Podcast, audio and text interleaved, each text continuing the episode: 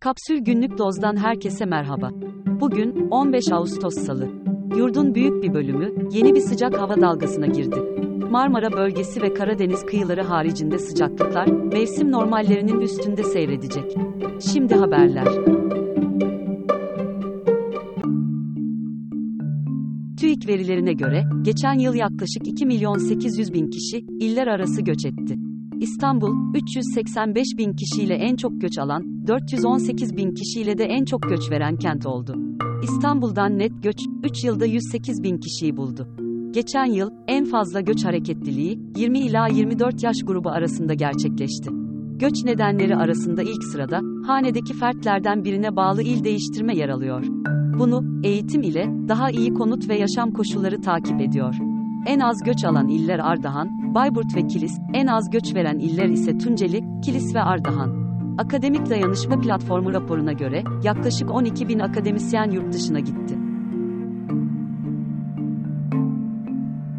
Yeniden Refah Partisi'nin ardından, İyi Parti'de, Trabzon'daki Sümela Manastırı'nda yapılacak, Meryem Anayortusu ayininin, iptal edilmesi için çağrı yaptı.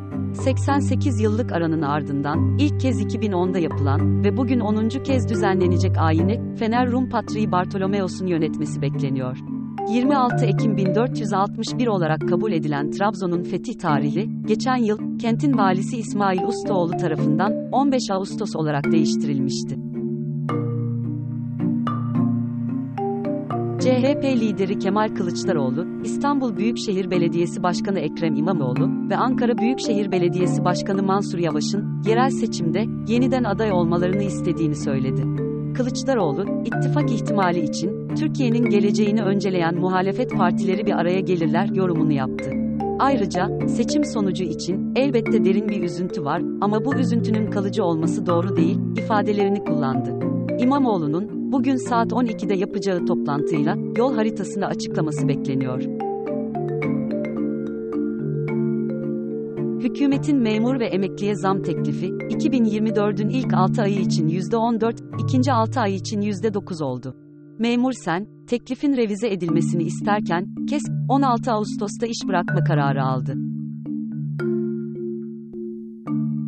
Toz şeker fiyatı, Mayıs'tan bu yana, 9 kez yapılan ufak zamlarla, yaklaşık %30 arttı.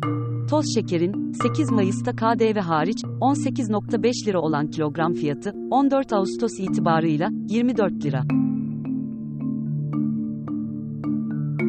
Dolar ruble kuru, Mart 2022'den bu yana ilk kez, psikolojik eşik kabul edilen, 100 seviyesini aştı. Rublenin dolar karşısındaki değer kaybı, %25'e ulaştı. Hollanda'da, başbakanlık görevinden ve lideri olduğu Demokrasi ve Özgürlük için Halk Partisi'nden ayrılan Mark Rutte'nin yerine, Türkiye asıllı Dilani Yeşilgöz Zegeryüz seçildi. Rutte'nin liderliğindeki kabinede Adalet Bakanlığı yapan Yeşilgöz, Kasım ayındaki genel seçimlere VVD'nin lideri olarak katılacak. Detaylar, kapsülün Instagram hesabında. Hollanda'da gençlere ücretsiz prezervatif dağıtılacak. İlk aşamada 50 bin prezervatif dağıtılması öngörülüyor. Karar, son yıllarda gençler arasında cinsel yolla bulaşan hastalıkların büyük ölçüde artması nedeniyle alındı. Özellikle heteroseksüel gençler arasında bel soğukluğu vakalarının büyük artış gösterdiği belirtiliyor.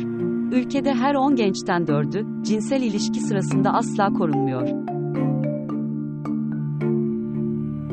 İtalya'nın güneyindeki Etna Yanardağı'nın patlaması nedeniyle bölgedeki Catania Havalimanı'ndaki uçuşlar geçici süreyle durduruldu.